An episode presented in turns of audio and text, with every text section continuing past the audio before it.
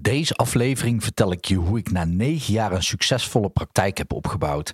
En ik vertel je wat de sleutel was om het uiteindelijk te laten slagen en het voor elkaar te krijgen. En ik vertel je ook wat ik allemaal heb gedaan en vooral heb gelaten om hier te komen. En wil jij dit direct gaan toepassen? Ga dan nu naar hypnomaster.nl/slash coach. In today's modern world, your health and well being have never been more vulnerable. Life is changing fast, and we're here to help keep your head clear and help you make the right choices. Welcome to the Paul Veth Podcast, a podcast dedicated to leadership, business, mindset, spirituality, and more. Get ready to smash your goals and conquer self doubt. Now, here's your host, Paul Veth. Yes, daar zijn we weer. En voor deze aflevering heb ik er en een bakje koffie bij gepakt en ben ik heerlijk in de stoel gaan zitten waar mijn cliënten ook in zitten. Um, een heerlijke draaistoel en normaal gesproken heb ik er ook nog zo'n voetenbankje bij. Die staat daar ergens en voor uh, deze aflevering zal ik die er denk ik niet bij gaan pakken. Misschien als het heel lang gaat duren dat ik denk, nou ik ga er gewoon half bij liggen. Maar in deze aflevering wil ik je vooral meenemen in het verhaal. Daarom heb ik er ook een bakje koffie bij gepakt, want ik denk dat ik er wel eventjes over doe. In het verhaal hoe ik mijn coachbusiness en mijn therapiebusiness uiteindelijk heb opgezet. In de hoop dat het jou inspireert om ook te zien welke stappen je kunt nemen. Die naar mijn idee niet te gek zijn. Misschien klinkt het voor jou wel te gek of, um, of raar of te ver buiten je comfortzone. Ik denk van niet, dus blijf bij me. Maar vooral om je ook dat verhaal te vertellen. Om als jij een coach of lichtwerker of therapeut of hoe je jezelf noemt. Als je dat al bent of wil worden. Dat je gaat inzien dat het eigenlijk best wel makkelijk gaat. En ja, we leven nu terwijl ik dit opneem in 2023. In 2014 heb ik mijn coachdiploma behaald.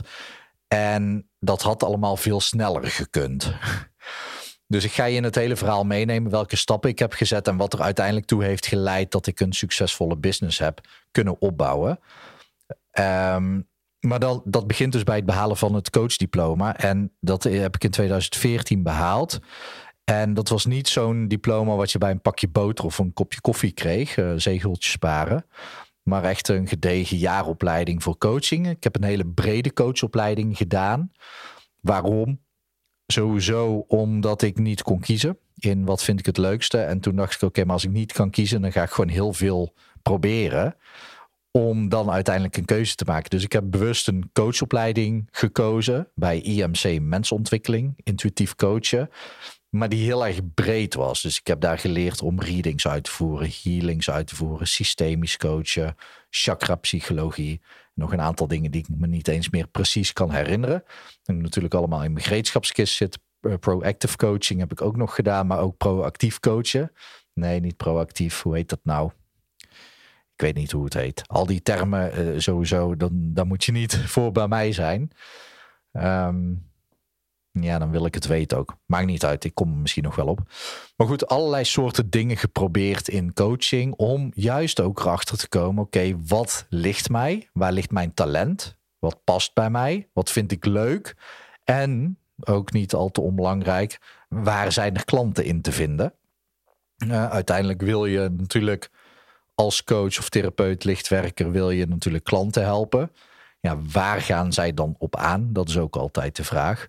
En ook de vraag, oprechte vraag, die je aan jezelf kunt stellen. Oké, wil je gewoon, ik noem het vanaf nu gewoon coachen, want anders moet ik al die termen lichtwerker, uh, therapeut en zo ook opnoemen. Wil jij coach zijn of wil je ondernemer zijn? Dat zijn twee verschillende dingen. En heel veel mensen willen gewoon mensen coachen, maar willen dat stukje ondernemen eigenlijk liever niet. Ehm, dan kan dat ook prima. Dan moet je alleen inzien dat je wel een klein beetje moet leren ondernemen.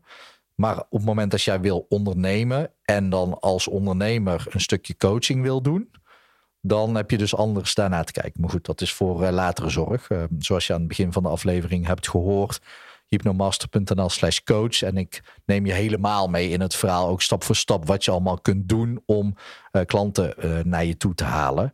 En dus de mensen te kunnen helpen. En meer impact kunnen maken, stapsgewijs op jouw manier. Dat terzijde. Maar goed, ik had die coachopleiding afgerond. En op dat moment was ik werkzaam bij KPN. Daar coachte ik ook al mensen. Niet dat ik daar ben begonnen met coachen, want ik heb een eigen kroeg gehad waarbij ik ook mensen moest coachen in mijn team. Ik heb bij T-Mobile gewerkt, uh, waarbij ik ook mensen aan het coachen was. Dat was met name sales. In 2014 werkte ik als coach op verschillende afdelingen. Ook de salesafdeling, maar ook de administratieve afdeling en de technische afdeling. En coaching daar was dan niet alleen over hoe kan ik een goed gesprek voeren, luisteren, samenvatten, doorvragen, dat soort dingen. Of hoe kan ik iemand die boos is kalmeren? Of hoe kan ik eh, bij het sales gebeuren iemand overtuigen om iets aan te schaffen bij KPN? Uiteindelijk kwam ik er ook achter dat coaching vaak veel meer over de mens ging dan over de technieken. Technieken zijn wel handig. Het zijn gewoon richtlijnen en handvatten die je kunt meegeven. Ja, die kun je gewoon reflecteren en meegeven. Maar uiteindelijk gaat het over het coachen van de mensen. En daar ja, ging ik echt op aan. Vond ik echt leuk. Dus vandaar ook de coachopleiding die ik ben gaan doen. En toen kregen we ook te horen dat die locatie waar ik werkzaam was, binnen KPN, ging sluiten. En omdat die ging sluiten, moest ik natuurlijk voor mezelf ook een plan bedenken van oké, maar wat wil ik dan? Wat wil ik dan gaan doen nadat ja, daar stopt? Ik had dat al vaker meegemaakt, eh, toevallig ook bij T-Mobile, dat, uh, dat de locatie ging sluiten. Misschien is Breda, waar beide bedrijven toen gevestigd waren, niet de beste locatie voor telecombedrijven om daar te gaan werken. Of misschien ben ik niet handig om in dienst te nemen, want dan gaat de locatie sluiten. Dat zou natuurlijk ook kunnen. Uh, maar goed, uh, ik kende dat spelletje wel. En ja, vaak krijg je dan een zak geld mee. En zijn er ook nog mogelijkheden voor extra uh, studie. Dus die heb ik goed ingezet. Ook nog door meer coach dingen te, aan te nemen. Coachcursussen en stukjes opleiding en zo. Maar goed, het ging sluiten. En toen dacht ik ook al na over kan ik dan al een coaching business gaan starten. En daar voelde ik me toen nog niet goed genoeg voor. Dat herken je misschien ook wel, want wanneer is de tijd rijp? Nou, de tijd is eigenlijk altijd rijp, want jij kunt nu ook al mensen helpen. Nadeel was dat ja, ik kon ook al mensen helpen. Was ik al goed genoeg? Nou ja, bepaalde mensen wel, bepaalde mensen niet. Maar ik was toen zo iemand die niet wilde kiezen. Vandaar ook dat ik zo'n brede opleiding had gedaan, maar nog steeds niet kon kiezen daarna. Want ik dacht, nou, ik ben gewoon, ja, ik, ik kan coachen en ik kan eigenlijk alles en iedereen wel ergens mee helpen. En ja, dat klinkt een beetje als arrogantie, maar dat is het niet. Want ik weet zeker als jij coach bent of je wordt coach, dat je ook al gesprekken voert met allerlei mensen. En dat je altijd wel een bepaald inzicht kunt meegeven aan die mensen. Dat je ze altijd wel verder brengt in het leven. En dat had ik toen ook. Uh, maar goed, uh, dat komt later in het verhaal ook nog terug. Op dat moment was ik er nog niet klaar voor om een coachbusiness van de grond op te bouwen en daarvan te kunnen leven. Ik was inmiddels al langer ondernemer en ik weet gewoon wat er voor nodig is om een onderneming neer te zetten.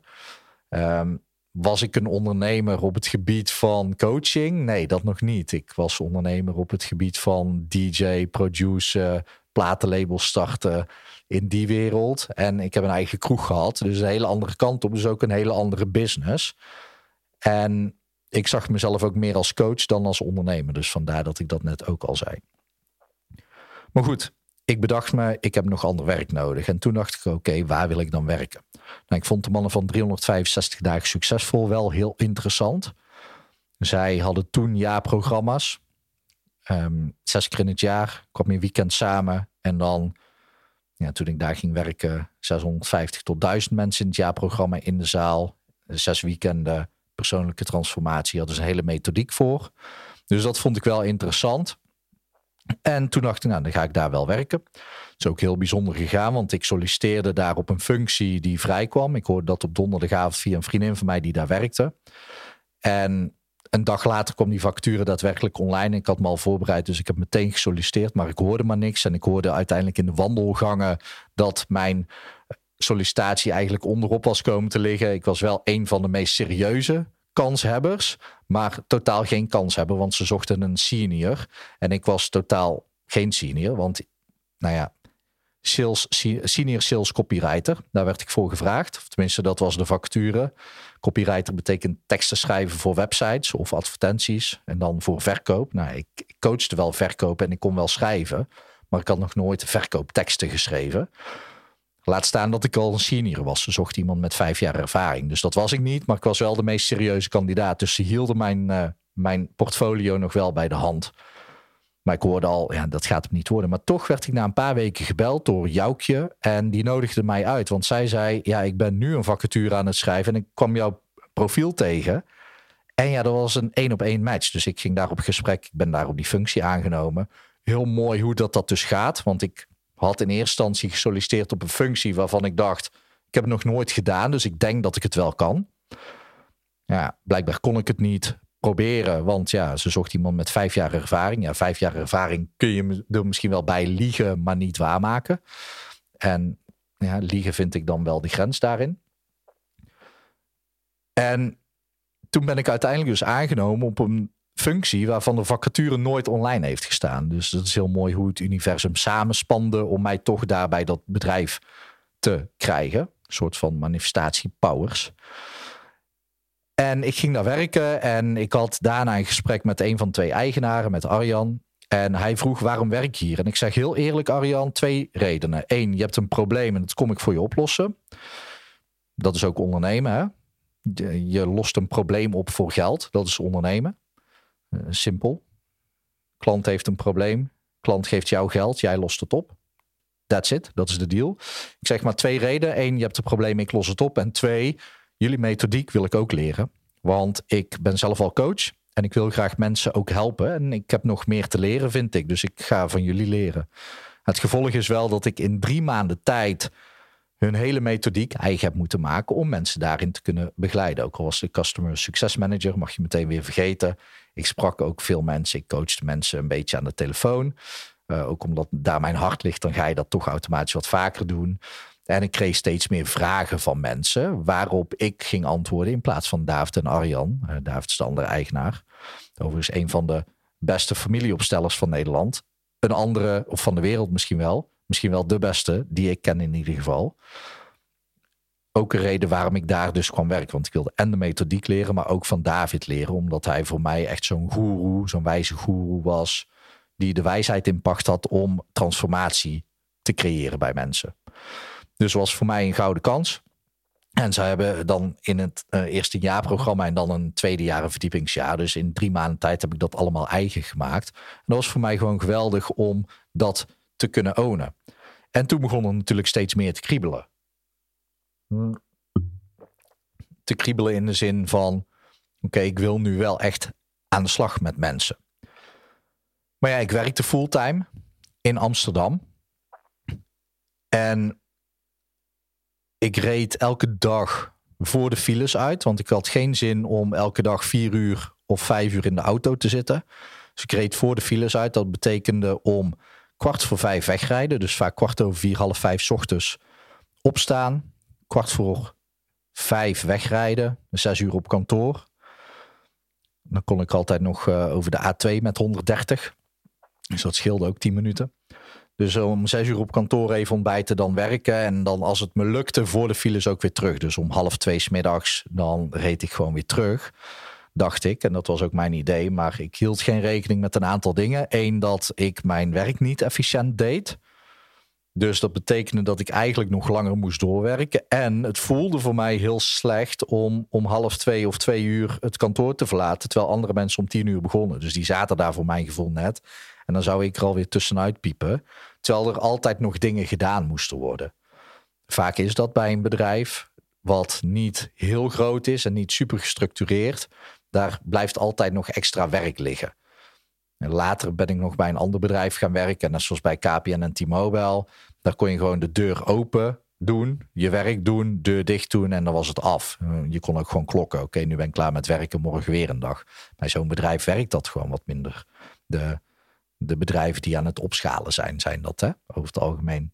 En er zijn nog veel meer bedrijven waar dat ook niet zo werkt. Dat snap ik ook wel. Maar goed, het gevolg was dat ik misschien wel vier van de vijf dagen of drie van de vijf dagen in Amsterdam ook heel de dag doortrok en dan s'avonds laat pas thuis was. Dus ja, het begon aan de andere kant ook te kriebelen om die coaching business op te zetten. Het was ook veel werken voor mij. En ik wilde ook een reis organiseren naar Nepal. Want tijdens de coachopleiding was ik daarachter gekomen dat ik dacht: oké, zelf ben ik keihard door een transformatie gegaan toen ik op Mallorca woonde. Toen woonde ik daar drie maanden. Ik werd helemaal afgemat, want ik was en manager van een aantal barretjes en restaurants. Dus ik stuurde daar ook allemaal mensen aan. Maar ik was ook nog DJ toen. Dus ik draaide de nachten. Dus overdag managen, s'nachts draaien. Weinig slaap, veel zon en iemand brak daar echt kaart om mijn muurtjes heen. Dus dat was voor mij echt een, een awakening, een, een ja, doorbraak. En toen had ik ook al later bedacht tijdens de coachopleiding: oké, dat is bij mij niet voor niks geweest. Ik moet mensen meenemen naar het buitenland, weg uit hun eigen omgeving, ook laten afzien op uh, wat voor manier dan ook. En dan kun je transformaties creëren, wat natuurlijk ook waarheid is. Dus ik had dat in, in mijn gedachten om zo'n reis te organiseren. Maar hoe kon ik dat dan combineren met mijn baan? Ook al had ik zoveel vakantiedagen als dat ik wilde. Stond gewoon in mijn contract. Toch voelde ik me dan daar toch lastig. Ja, een beetje bij van ja, maar moet ik dan in mijn vakantie ook gaan werken? Terwijl ik juist ook vakantie nodig heb. En hoeveel vakantie neem je op als je onbeperkt aantal vakantiedagen hebt? zijn lastige vragen als het chaos is. Wanneer er veel chaos is en weinig orde, dan wordt het ook een zooitje. Ik ben meer van meer chaos, meer orde. Maar goed, uiteindelijk ging ik in gesprek met de eigenaren. En het bleek ook dat ik, en dat wist ik zelf ook wel, dat ik mijn werk niet helemaal goed deed. Dat het niet goed uit de verf kwam. Een aantal delen van mijn werkzaamheden wel, andere delen van mijn werkzaamheden totaal niet. Die own ik ook. Ik heb gezegd, klopt, heb ik gewoon slecht gedaan. Dus in goed overleg gingen we uit elkaar. Ik had ook daar kunnen blijven op een andere manier, andere insteek, misschien ook minder uren had ik ook kunnen opbouwen. Maar voor mij voelde het goed, oké, ik hoef dan niet meer vier keer in de week naar Amsterdam. Dus ik kan gewoon die vrijheid pakken om mijn business op te zetten en met focus op de Nepal reizen. Dus ik dacht, oké, ik stop daar. Ik had een spaarpotje, ik ga me richten op Nepal reizen. Dus ik organiseerde mijn eerste reis naar Nepal. Ik nam mensen mee, de Himalaya in. En ik dacht vooraf, oké, maar de eerste keer de, het seizoen tussen zeg oktober en februari of tenminste vanaf oktober tot en met februari is dan het seizoen voor de Nepal reizen. Dan is het droog en uh, nog wel uh, reisbaar ook. Fijn. En ik dacht, nou, het eerste seizoen ga ik één keer, tweede seizoen twee keer. En zo ga ik dat uitbouwen naar misschien wel acht, negen of tien reizen. En misschien zelfs coaches opleiden die dan ook voor mij die reis doen en dan uiteindelijk dat uitbouwen. Dus dat had ik helemaal in gedacht, helemaal opgezet, hele websites gebouwd, hele funnels gemaakt, allemaal video's opgenomen voor mensen die instapten in de reis. Ook een uh, junior coach aangenomen, alles geregeld voor in Nepal. Eerste reis georganiseerd, super vet, in de Himalaya staan en groepsopdrachten uitvoeren met mensen op de Himalaya uitkijken en familieopstellingen begeleiden. Ja, natuurlijk gewoon echt geweldig. En ik had dat twee weken. Twee weken gingen we met groep reizen. En ik kreeg nog steeds kippenvel als ik daaraan denk. Want de, de start van het programma was op een plein. En op het moment dat ik zei: Oké, dit is de start, vloog opeens alle duiven van het plein over ons heen. Echt fantastisch. Sowieso een bijzonder land ook. Maar toen had ik twee weken lang die groep begeleid. En ik bleef nog achter in Nepal op een hele fijne plek. En ik dacht, dan heb ik daar rust. Maar ik voelde geen rust. En ook niet de rust die ik had ervaren de eerste keer dat ik alleen aan het reizen was in Nepal. Toen kwam ik terug in Nederland. Toen moest ik ook echt bijkomen. En toen kwam ik erachter, oké, maar is dit wat ik wil? Wil ik dit de rest van mijn leven doen of de komende jaren doen? Want op het moment als ik acht keer per jaar naar Nepal zou gaan, dan kan ik net zo goed daar een half jaar per jaar blijven. Maar hoe doe ik dat dan? Want ik wilde ook wel een keer een relatie. Ik was toen single. Ik wilde ook wel een relatie, een gezin opbouwen. Hoe zou ik dat doen? Ja, moet ik dan ook iemand vinden die dan ook elk half jaar of elk jaar een half jaar met mij in Nepal zou, in Nepal zou willen zitten? Ik was al kieskeurig richting vrouwen. Dan komt dat er ook nog bij. Is dat wel te doen? En niet alleen dat, maar ja, hoe gezond is dat? Wat zijn de consequenties? Eh, kan ik uh, dan in Nederland nog contact onderhouden, netwerk? Of ben ik altijd alleen maar aan het werk in Nepal? En toen kwam ik erachter, dit, dit kost me te veel, letterlijk. Uiteindelijk zou het me ook meer opleveren, maar het kostte me gewoon te veel. En met meer opleveren qua geld bedoel ik dat. Maar wat, welke prijs betaalde ik uh, fysiek? Ook financieel natuurlijk in het begin. Maar ook qua netwerk, uh, vrijheid, verbinding, uh, lifestyle, geluk. En toen kwam ik erachter, ja, dit is toch niet wat ik wil. En toen dacht ik, zit, ik had eigenlijk al mijn zinnen daarop gezet. En nu? En nu? Toen dacht ik, ja, maar ik heb wel die coachbusiness en ik kan mensen coachen. Laat ik maar gewoon gaan coachen. Dus toen ging ik wandelcoaching aanbieden, gewoon coaching aanbieden hier in Breda ook. Ik had een, eh, een ruimte die ik flexibel huurde. Gewoon voor een x aantal uur per week kon ik dat, een maandabonnement. En dat was wel te doen. Maar ik verdien daar echt gewoon nog niks mee. Waarom niet? Omdat ik dus, en ik zou erop terugkomen, eigenlijk aanbood, ja, ik kan alles en iedereen helpen met van alles. Ja, dat werkt niet. Dan raak je nooit iemand. Kijk, jou kan ik aanspreken omdat de kans groot is dat jij iets hebt met iets van coaching, therapie, lichtwerker, healer, reader, iets in die trant. Maar als ik zeg, ja, deze video's voor alles en iedereen en deze gaat over van alles, ja, dat heeft geen nut. Laat staan wanneer je klanten krijgt. En natuurlijk kreeg ik her en der via via wel wat klanten, maar het zette totaal geen zoden aan de dijk. En toen ik dat een tijdje had gedaan, kwam ik er ook achter dat mijn spaarpotje leeg begon te raken. Het einde was in zicht en ik wist dat er uiteindelijk toch wel de huur betaald moest blijven worden. En ik moest ook gewoon eten. En toen dacht ik, oké, dit werkt niet, wat nu? En toen ging ik nadenken over, ja, wat, wat dan? Want ja, coaching leek me fantastisch. Maar ja, ik kreeg niet van de grond. Mensen kwamen niet zomaar naar mij. Ja, hoe dan? En toen bedacht ik me, oké, ja, ik wil gewoon echt mensen helpen. En met mijn coaching kan ik wel wat mensen helpen. En ik breng ze echt wel een stukje verder. Maar zelf was ik bijvoorbeeld twee keer bij de psycholoog geweest. Eén ehm, keer om echt trauma's uit mijn jeugd op te lossen. En daar heb ik toen een EMDR-sessie gehad. En die is toen heel goed aangeslagen. Dat was heel heftig. Um, maar het heeft wel iets heel moois opgeleverd. ik dacht, ja, op zo'n manier zou ik mensen wel kunnen helpen natuurlijk. Andere keer bij de psycholoog geweest omdat mijn moeder was overleden. En het leek me wel handig om dat te doen. Om gewoon even, hè, even te sparren. Even, mijn, even te checken of dat ik nog gezonde gedachten dacht. Dat is altijd wel fijn om te doen. Sowieso voor mij. Ik heb daar nu een vrouw voor en vrienden. Toen ook wel natuurlijk. Maar ja, je kan soms zelfs uh, heel erg out of the box denken. En dan is het misschien too much out of the box. Hebben we allemaal wel eens, toch? Ik hoop het. Maar goed, ik dacht, ja, ik wil zoiets. En toen ging daar onderzoek naar doen. En toen dacht ik, ja, maar als ik dat wil, dan zal ik er een baan bij moeten hebben. Dus moet ik uh, werken en een avondopleiding doen. Ik denk, ja, dat is het niet. Nou ja, mijn uh, potje raakte verderop. Ik denk, ga eerst maar eens gewoon werk zoeken, zodat die basis er is. Want vanuit de basis kan ik natuurlijk dingen opbouwen. toen dacht ik, oké, ik ga 24 uur werken voor best een oké bedrag per maand. Dat ik in ieder geval mijn vaste lasten kan betalen. En dan kan ik daarnaast gewoon mijn coachbusiness opbouwen. En dat daarmee ook uh, mijn financiële uh, plaatje weer een beetje opkrikken. En vanuit daar ja, dingen kunnen gaan investeren. Ik ging 24 uur werken in de week als teamleider, sales ook.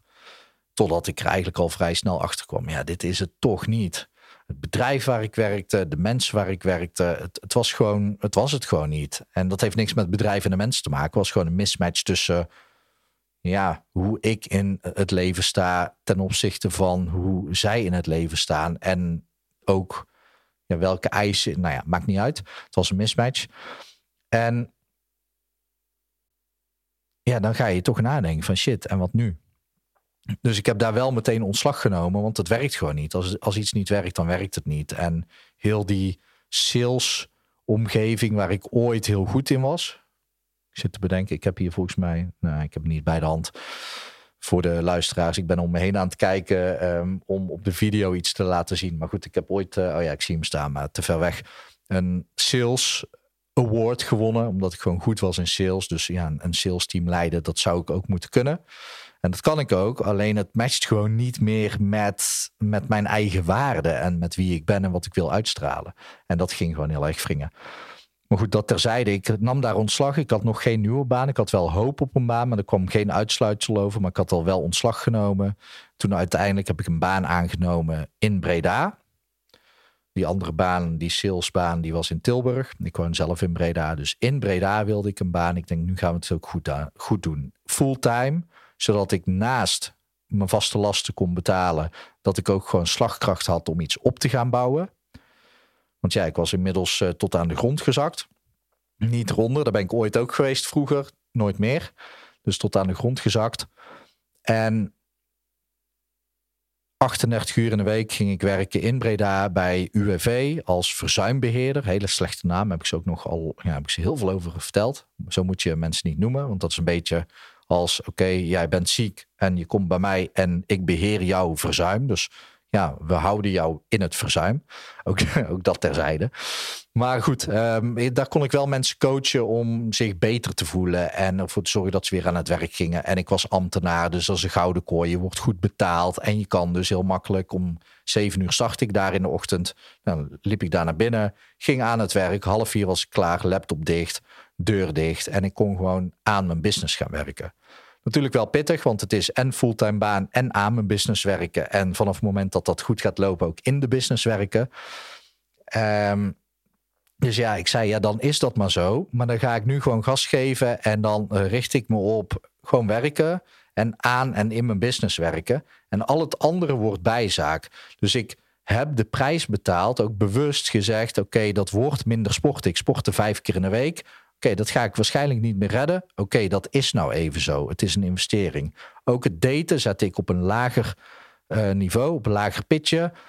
Want nou, ik was single en ik wilde wel een relatie, maar ik wist gewoon, oké, dat is wel heel moeilijk met alles wat ik erbij aan het doen ben. En toen, een paar maanden nadat ik aan het werk was, toen zag ik op Instagram een story voorbij komen van Charlotte van het Woud. Die volgde ik toen. En uh, wat ik leuk vond aan haar, weet niet of dat ze nog steeds zo is, anders zou ik dat nog steeds leuk vinden van haar, is dat zij van alles uitprobeert. Heel erg veel verschillende dingen uitprobeert. En ook gewoon all in gaat daarin. Dus uh, de ene keer gaat ze all in het bomen knuffelen. En de andere keer all in tantra. En deze keer ging ze all in een maand lang in hypnose. Tenminste niet dat ze een maand lang in hypnose zat, maar ze dook in de wereld van hypnose. En ze was naar Edwin gegaan, inmiddels mijn mentor, Edwin Selei. Tenminste, bij hem heb ik de, of de hypnoseopleiding gedaan. En zij liet hem zien, zijn boek zien. En zij vertelde, ja, met hypnose kun je trauma's oplossen. En toen dacht ik, ja, dat is precies wat ik wil. En ik had inmiddels er me al bijna bij neergelegd dat ik misschien toch een avondopleiding aan de universiteit moest volgen als uh, om psycholoog te worden. Maar ja, moet jij eens nagaan voor jezelf of bedenken voor jezelf na hoeveel maanden dat jij aan die studie bent gestart, psychologie, na hoeveel maanden jij eindelijk bij iemand of iemand in de stoel hebt om bijvoorbeeld de EMR mee te doen. Denk er maar eens over na terwijl ik een slokje koffie neem. Ja, tien jaar dus. Na tien jaar was toen, en ik weet niet of ik het goed heb uitgezocht, maar dat bleef me wel bij. Dus ik dacht, dat wordt hem niet. Of uiteindelijk, ja, als dat er voor nodig is, zou ik het er misschien zelfs wel voor over hebben gehad. Om eerlijk te zijn. Maar goed, ik zag dat. Ik dacht, wauw, dat is het. En wat bleek, eh, ik kwam dat tegen in juni volgens mij. En wat bleek, er is in oktober zou er een seminar zijn. Uh, een hypnose seminar. Dus daar had ik me voor ingeschreven, aangemeld. En uh, via Instagram leerde ik iemand kennen die en net zoals ik toen, tegenwoordig niet meer, toen plantaardig at. En ook naar dat seminar ging en er was nog een overeenkomst. Dus wij raakten aan de praat, heel leuk. En ze vroeg, heb je al, oh, dat was Sylvia Bogers trouwens, heb jij je al aangemeld voor de opleiding. En toen zei ik, ja, nee, nog niet. Want uh, die investering die kan ik nu, nu nog niet doen. Want ik zat natuurlijk aan de grond en ik was weer ja, mijn spaargeld aan het aanvullen. Maar ik had nog steeds geen, uh, of nog niet meteen 3,5k uh, om die opleiding te betalen. Maar goed, het kriebelde wel en toch had zij een zaadje geplant. En naarmate dat weekend dichterbij kwam en ik me meer ging verdiepen in de mogelijkheden van hypnose, kwam ik erachter dat het misschien toch wel de manier zou zijn om mensen echt te kunnen helpen op een diepgaande manier, zonder dat ik tien jaar naar een avondschool zou moeten. En toen dacht ik, ja, als ik in termijnen betaal en die termijnbetalingen die starten pas op het moment als de opleiding start in januari, dan gaat mij dat waarschijnlijk wel lukken. Dat was wel spannend, want die termijnbedragen waren 675 euro per maand. En met het geld wat ik verdiende binnen mijn fulltime job zou ik dat niet volledig kunnen bekostigen. Echt niet. Dan zou ik ook nog heel krap moeten gaan leven. Dus dat betekende dat zodra die opleiding startte, ik ook meteen mensen echt moest gaan helpen. En dat werd ook gezegd van oké, vanaf blok 2 kun je ook al mensen helpen. Dus dat was meteen mijn stok achter de deur. Ik moest wel.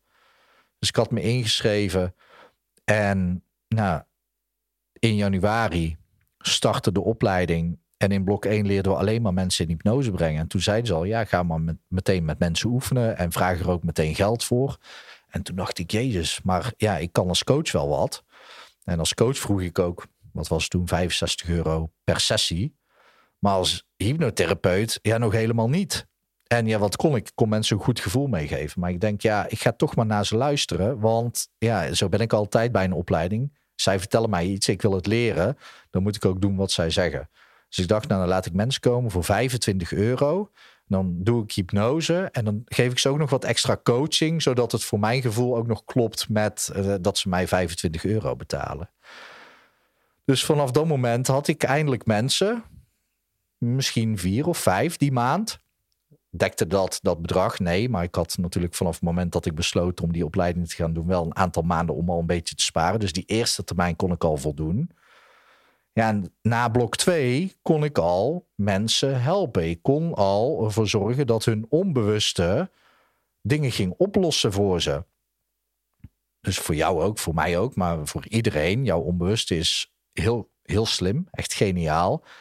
En die snapt gewoon, of die kent gewoon heel veel manieren om jouw probleem op te lossen. Of eigenlijk jouw probleemgedrag niet meer te doen, omdat datgene wat eronder zit op een andere manier wordt opgevuld. Om het zo maar even heel kort te zeggen. Dus ik dacht, ja, dan kan ik al meteen aan de slag met sessies. En vanaf blok 3 kon ik al een regressie. Uh, ja, niet vergelijkbaar met EMDR, maar je kan gewoon letterlijk de wortel van een trauma trekken. Dus een trauma oplossen. Ik denk, ja, dan kan ik ook al meteen een traject verkopen van drie sessies. Want tussen twee weken na blok 2 kan ik de eerste sessie doen. En na blok 3, nadat ik dat had geleerd, kon ik meteen ook die sessie doen. Dus zo gezegd, zo gedaan. Ik ging 50 euro vragen na dat weekend. Dus uh, tussen 1 en 2 gewoon 25 euro voor een sessie. En daarna 50 euro voor een sessie. En ik ging aan de slag en het werkte. En toen werkte het wat minder. En toen werkte het wel. En toen werkte het wat minder. Maar altijd resultaat. Ik had altijd resultaat. En steeds meer mensen kwamen bij me. En uiteindelijk heb ik gewoon in een paar maanden tijd wel ervoor kunnen zorgen dat ik ja, voldoende honderdjes, misschien drie, misschien vier, misschien 500 euro toch kon binnenhalen.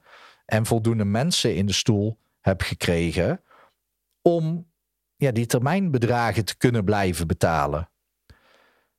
En dat ging door. En opeens, na sessie 35, ik heb het toen geteld, want ik voelde dat moment en ik wist, hey, dit is het moment. En later herkende ik dat moment. Nu snap ik ook wat er gebeurde. Maar ineens ging mijn passie voor hypnose aan en hypnotherapie. Ineens was het, oké, ik ben nu mensen aan het helpen. En wauw, wat, wat geweldig, hoe magisch het soms lijkt te werken. En toen kreeg ik opeens ja, dat inner fire, dat innerlijke vuur wat gewoon begon te branden. Dat ging aan en ik voelde aan alles, ja, dit is het, dit is het. En toen ben ik langzamerhand mijn prijzen gaan verhogen. En ik begon van 50 naar 65 euro, want dat was ik al gewend. Toen ging het al heel, heel snel naar 75 euro. En per sessie, daar heb ik het over. En daar ben ik even een tijdje op blijven hangen. En uh, van Gary Vee heb ik altijd geleerd: oké, nadat drie mensen ja zeggen voor een prijs. En ik kom er zo op waarom ik het belangrijk vind om dit te vertellen. Nadat drie mensen ja hebben gezegd tegen een bepaalde prijs, dan kun je de volgende keer al een hogere prijs vragen. En als daar weer drie mensen ja tegen zeggen, kun je weer een hogere prijs vragen. De reden waarom ik dit belangrijk vind om te vertellen en ook voor jou om over na te denken is mensen die 75 euro per sessie betalen, zijn andere mensen met een andere mindset, met een andere plek waar ze vandaan komen, met een andere lifestyle. Het zijn gewoon echt mensen die anders in elkaar zitten dan mensen die 300 euro per sessie betalen. En dat zijn ook weer andere mensen dan die 7.500 euro per sessie betalen. Dat vraag ik niet. Uh, mijn mentor Edwin Selei vroeg dat in 2021 volgens mij. Ik weet niet hoe het nu is. Volgens mij doet hij geen sessies meer. Maar ik bedoel ermee te zeggen dat. Heel mooi voorbeeld. Laat ik dat alvast maar vertellen. Uh, op een gegeven moment vroeg ik 200 euro per sessie. En ik had uh, twee sessies met iemand gedaan. En normaal gesproken deed ik er drie. En toch gaf zij aan, ja, de derde sessie hoeft niet, uh, niet per se voor mij. Dan kan ik eraan gaan lopen trekken van, hé, hey, dat moet of niet. Het is ook maar net hoe je uh, het inregelt. Je kan drie sessies afspreken met iemand en in één keer van tevoren laten betalen. Het is allemaal, al, je hebt allerlei mogelijkheden daarvoor. Ik deed toen nog een, iets te vrij daarin, maar goed, dat terzijde. Toen hoorde ik later van een goede bekende van mij dat diegene die 200 euro per sessie betaalde, had gezegd: ja, hij is te goedkoop. Dus daarom raakt het mij te weinig. Ik heb het idee dat ik er te weinig uithaal. Hij voelt voor mij te licht, alleen door de prijs. Nou, dat was echt een eye-opener ook voor mij. Um, maar goed, ik wist al, ja, bepaalde mensen komen gewoon niet voor een bepaalde prijs. En dat klinkt heel gek. Dit is echt een stukje geld mindset ook. Uh, maar zo heb ik ook een vriendin, die was een keer op zoek naar een ja, pin me niet op vast, chiropractor. En zij zei, ja weet je, ik had er tien aangeklikt en toen ben ik eerst naar de tarieven gaan kijken. En iedereen die minder dan 80 euro per uh, sessie vroeg, die heeft ze allemaal weggeklikt. Want die neemt ze niet serieus. En zo is het ook belangrijk voor mij dat ik gewoon wist, oké, de mensen die ik uiteindelijk wil helpen in de stoel, dat heeft niks met dat ik andere mensen niet lief vind, maar ik mag gewoon mijn business inregelen op de manier zoals ik dat wil. Zoals jij dus jouw business mag inregelen op de manier zoals jij dat wil. Het is helemaal oké hoe jij het wil. Welke mensen jij in je stoel wil, maakt niet uit. Want dat vind ik het mooie. Ik wil andere mensen in de stoel dan jij. En daarom zijn er gewoon veel meer coaches nodig. Veel meer goede coaches nodig die meer klanten hebben. En dan de juiste klanten. Want soms heb je een match en soms, net zoals bij mijn baan, heb je een mismatch. En ja, die mismatch, die, ja, die wil je voorkomen. En dat heeft ook met prijs te maken. Als je, je kan je tarieven op je website zetten of niet. Dat is ook echt aan jou. En daar zijn je, je hebt voordelen en nadelen. Maakt allemaal niks uit. Maar goed, ik ging dus verhogen. En dat is ook de reden dat ik ging verhogen. Want voor mij was het gewoon spannend om in één keer 300 euro per sessie te vragen. Dat durfde ik ook echt niet. Dus ik ging stap voor stap verhogen. En van 75 euro naar 95 euro vond ik heel spannend. Maar iedereen bleef ja zeggen. En van 95 euro naar 115 euro vond ik ook heel spannend. Omdat je dan ineens over een grens heen gaat van 100. Eerst is nog onder de 100, daarna boven de 100. En iedereen bleef ja zeggen. Oh, in uh, hypnomaster.nl slash coach, in dat programma, uh, vertel ik je hoe. Ik vertel je precies, als jij je eraan houdt, dan zeggen mensen gewoon ja tegen. Dat helpt. En ik ben dat langzamerhand gaan verhogen, zodat mijn omzet ook maandelijks aan het stijgen was. En doordat mijn omzet bleef stijgen en doordat ik dezelfde manier bleef hanteren, dezelfde strategie bleef toepassen, kon ik uiteindelijk gewoon steeds minder gaan werken. Maar vergis je niet, ik was dus bezig met een fulltime job in eerste instantie. Ik volgde een opleiding. Ik werkte aan mijn business. Dus ik zorgde voor marketing, uh, content, creatie, elke dag posten op Instagram. In een periode deed ik ook elke dag een podcast. Deed ik ook een periode en daar ben ik um, ingetrapt, elke dag een video. Dat kostte me te veel tijd dat ineens ook de podcast wegvielen. Maar ik ben wel altijd elke dag een Instagram post blijven delen. Um, reviews vragen via, via Google. Natuurlijk artikelen schrijven voor op mijn website. was ik allemaal mee bezig. Uh, dus ik had, uh, ik, ik, ben de tel kwijt, dus ik doe het even opnieuw. Fulltime job, aan mijn business werken, in mijn business werken. Die drie dingen was ik volledig aan het doen. En dat kostte veel tijd. Er waren dagen dus bij dat ik ochtends om zeven uur begon met werken, half vier klaar was en dan nog twee sessies deed met mensen. En dat een paar dagen in de week. Als ik dan vijf of zes sessies deed met mensen in de week. En daarnaast fulltime werkte en dan ook nog aan de business werkte en de opleiding aan het volgen was. Waarbij ik elke maand drie dagen live ergens naartoe moest. Dat was vrij pittig. Dus vergis je niet. Ik heb de rest van mijn leven in de koelkast gezet. Netwerken, met vrienden afspreken, daten, minder sporten. Ik zeg niet helemaal niet sporten, maar veel minder sporten. Allemaal in de koelkast gezet. Allemaal om die prijs te betalen om dit op te bouwen. Maar het betaalde zich uit, want ik kon minder uren gaan werken. Ik ging van 38 uur naar 30 uur. En toen later van 30 uur naar 24 uur. En toen later, toen kwam natuurlijk de vraag: oké, maar wanneer neem je de stap naar helemaal niet meer voor een baas werken. En ja, die vond ik natuurlijk ook spannend, want het moest wel zo door blijven gaan in mijn business. Maar doordat ik continu in hetzelfde ritme, dezelfde strategie bleef toepassen, kon ik uiteindelijk en mijn tarieven blijven verhogen. Tot op een bepaald punt dat ik uh, merkte, oké, hier voel ik me nog comfortabel bij. Want heel eerlijk, er zijn ook mensen die 100.000 euro vragen voor bijvoorbeeld een jaartraject. En natuurlijk, vanuit mijn hoofd durf ik dat te vragen. Maar vanuit mijn hart, oké, wat heb ik dan waar te maken om dat te doen? Misschien zit daar nog een belemmering op. Misschien voelt het niet oké. Misschien kloppen die mensen niet bij mij. Ik weet het niet. Misschien ga ik wel een keertje de belemmering oplossen. Of ik kom erachter dat daar geen belemmering op zit en dat ik het wel kan. Of er zit een belemmering op en ik los het op en ik wil het helemaal niet vragen. Of de belemmering zit erop en ineens wil ik dat wel, want dan bedenk ik iets wat ook die 100.000 euro waard kan maken, waar kan maken. Ik weet het niet, dus pin me nergens op vast. Ik uh, ga dat nog onderzoeken, ook of dat ik dat überhaupt wil. Want waarom zou je dat willen, is dan de vraag. Omdat je dan misschien met één klant qua, nou ja, maakt niet uit. Maar weet dus dat ik heel veel heb betaald. Ik heb heel veel ingeleverd daarvoor, maar een korte periode van mijn leven. Om uiteindelijk ook mijn baan op te zeggen. En dan komt het cliché-verhaal: de maand dat ik uit loondienst was, was mijn omzet verdubbeld. Weet het uh, nog heel goed. Was gewoon verdubbeld. En ja, dat is heel cliché, maar dat werkt gewoon. Omdat je toch ergens voelt van shit, dat valt weg. Een beetje meer gas geven, maar ook een soort van springplank van vrijheid. En ineens zat mijn agenda helemaal vol. En vanaf dat moment is dat gewoon stabiel gebleven. En is dat, um, nou ja, nu is het inmiddels weer aan het stijgen. Maar in de training die ik heb gemaakt, leg ik uit hoe ik dus van 25 euro per sessie naar 5000 euro omzet per maand ging. Alleen door sessies te doen. Ik heb het niet over daarnaast ook nog allerlei technische uh, fratsen uithalen, online programma's te maken en daar veel geld mee te verdienen. Nee, ik heb het echt over de basis. Ik één op één met iemand in een stoel.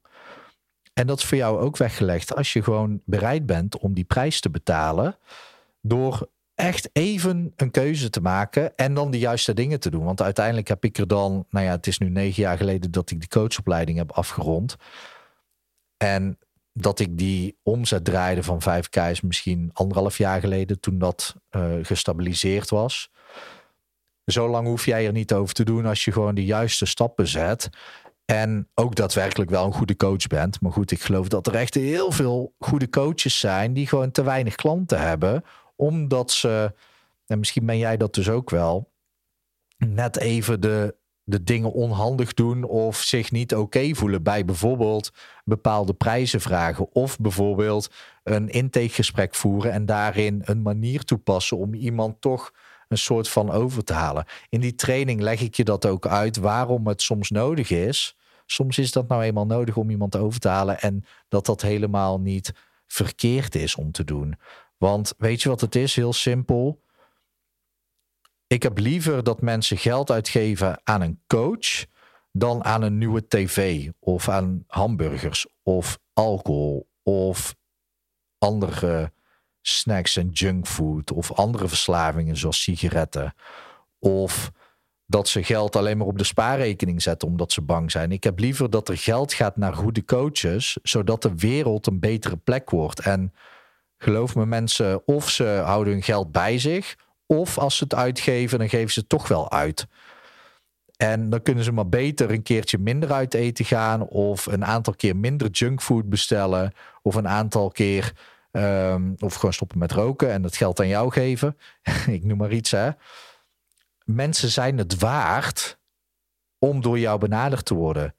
En heel veel mensen zijn reactief. Die stappen niet proactief naar iemand toe om te zeggen: hey, ik heb hulp nodig. Terwijl ze ergens wel het idee hebben van: ja, ik heb wel eigenlijk hulp nodig of dat zou me helpen. En ze doen het niet.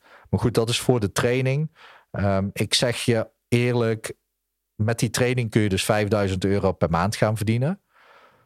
Dus ja, als ik die training 60.000 euro zou maken, zou je dat in een jaar hebben terugverdiend. Nou, dat doen mensen nooit. Mensen zeggen altijd, je moet eigenlijk iets maken wat mensen in twee maanden terug kunnen verdienen. Dus zou ik hem 10.000 euro moeten maken. Maar ik heb hem echt veel goedkoper gemaakt. Omdat ik oprecht wil dat de wereld een leukere plek wordt. En dat er dus meer goede coaches zijn die meer klanten kunnen bedienen. Zodat ja, dat er echt mensen geholpen worden. Dat is echt mijn droom. Ik zeg altijd dat mijn missie is Nederland traumavrij maken. En met de huidige kennis en kunde die er is, kan dat helemaal niet. Omdat er bijna elke seconde weer een nieuw trauma geboren wordt. Maar goed, dat is wel mijn wens, omdat ik gewoon heel slecht tegen kan als ik mensen vast zie zitten in patronen die gewoon ongezond voor ze zijn, die ze niet helpen. En dat is ook de drijfveer die onder dit alles zit, dat ik dit ben gaan doen. Dat ik al tegen zei, ik was zelfs bereid om dan maar tien jaar die avondstudie te gaan doen en dan psycholoog te worden, als ik maar echt mensen kon helpen. Nu heb ik gelukkig hypnose gevonden. Dit is geen promotiepraatje voor hypnose. Er zijn heel veel goede manieren om mensen te helpen. En als je nu nog steeds aan het kijken of luisteren bent, dan is de kans groot dat je gewoon echt een goede coach of lichtwerker of healer of reader of weet ik het, hoe, je het noemt, hoe jij jezelf noemt, bent. En dan is het eigenlijk jouw taak, jouw plicht, om ervoor te zorgen dat er meer mensen bij jou uitkomen, zodat jij ze kan helpen, zodat jij hen kunt verlichten, lichter kan maken. Ervoor kan zorgen dat ze blijer weggaan dan toen ze bij jou kwamen. En dat ze dat ook meenemen naar hun omgeving, waardoor ook hun omgeving lichter wordt. En uiteindelijk de wereld een mooier en fijnere plek wordt. Ik hoop natuurlijk ook dat het gewoon goed met je gaat. Maar ik hoop dat je hier wel ook inspiratie uit hebt gehaald om in ieder geval aan de slag te gaan. En ga anders naar hypnomaster.nl slash coach om eens te kijken of dat het iets voor je is. Wat ik al zeg, ik beloof je dat het echt geen 10.000 euro kost. Ook al zou dat dus wel waard zijn, omdat je het gewoon uiteindelijk ja, in twee maanden tijd makkelijk terug kunt verdienen. Als je gewoon de stapjes zet. En nee, je hoeft niet per se 1000 euro per sessie te vragen. En dan dus vijf sessies in de maand te regelen. Nee, daar gaat het helemaal niet om. Voor iedereen, voor elke, elke manier is het. En natuurlijk uh, moet je niet denken dat je met 35 euro per sessie uh, toekomt. Want dat is het gewoon niet. Uh, de 35 euro is minimum voor ZZP'ers. En dat was in 2022. Nu zitten we in 2023. Is het eigenlijk al volgens mij 41 euro. Maar per sessie, het is ook zoveel meer waard. Dus zet jezelf in ieder geval over die drempel al heen. En ga anders uh, de, de training volgen, want daarin help ik je ook. Maar voor iedereen is het weggelegd om in ieder geval gewoon rond te kunnen komen van één op één mensen coachen. En daarmee maak jij de wereld een stukje lichter. Nou, ik zei het al, ik hoop dat het goed met je gaat. Ik hoop dat het goed gaat met dierbaren van je. En ik wens je uiteraard nog een hele mooie dag toe. Houdoe. Thanks for tuning in to the Paul Veth podcast. You're officially one step closer to becoming your best self. Be sure to subscribe wherever you heard this podcast so you never miss a future episode. For more information or to connect with Paul, check him out at hypnomaster.nl or on Instagram at hypnomaster.nl. Thanks again for tuning in, and we'll see you next time.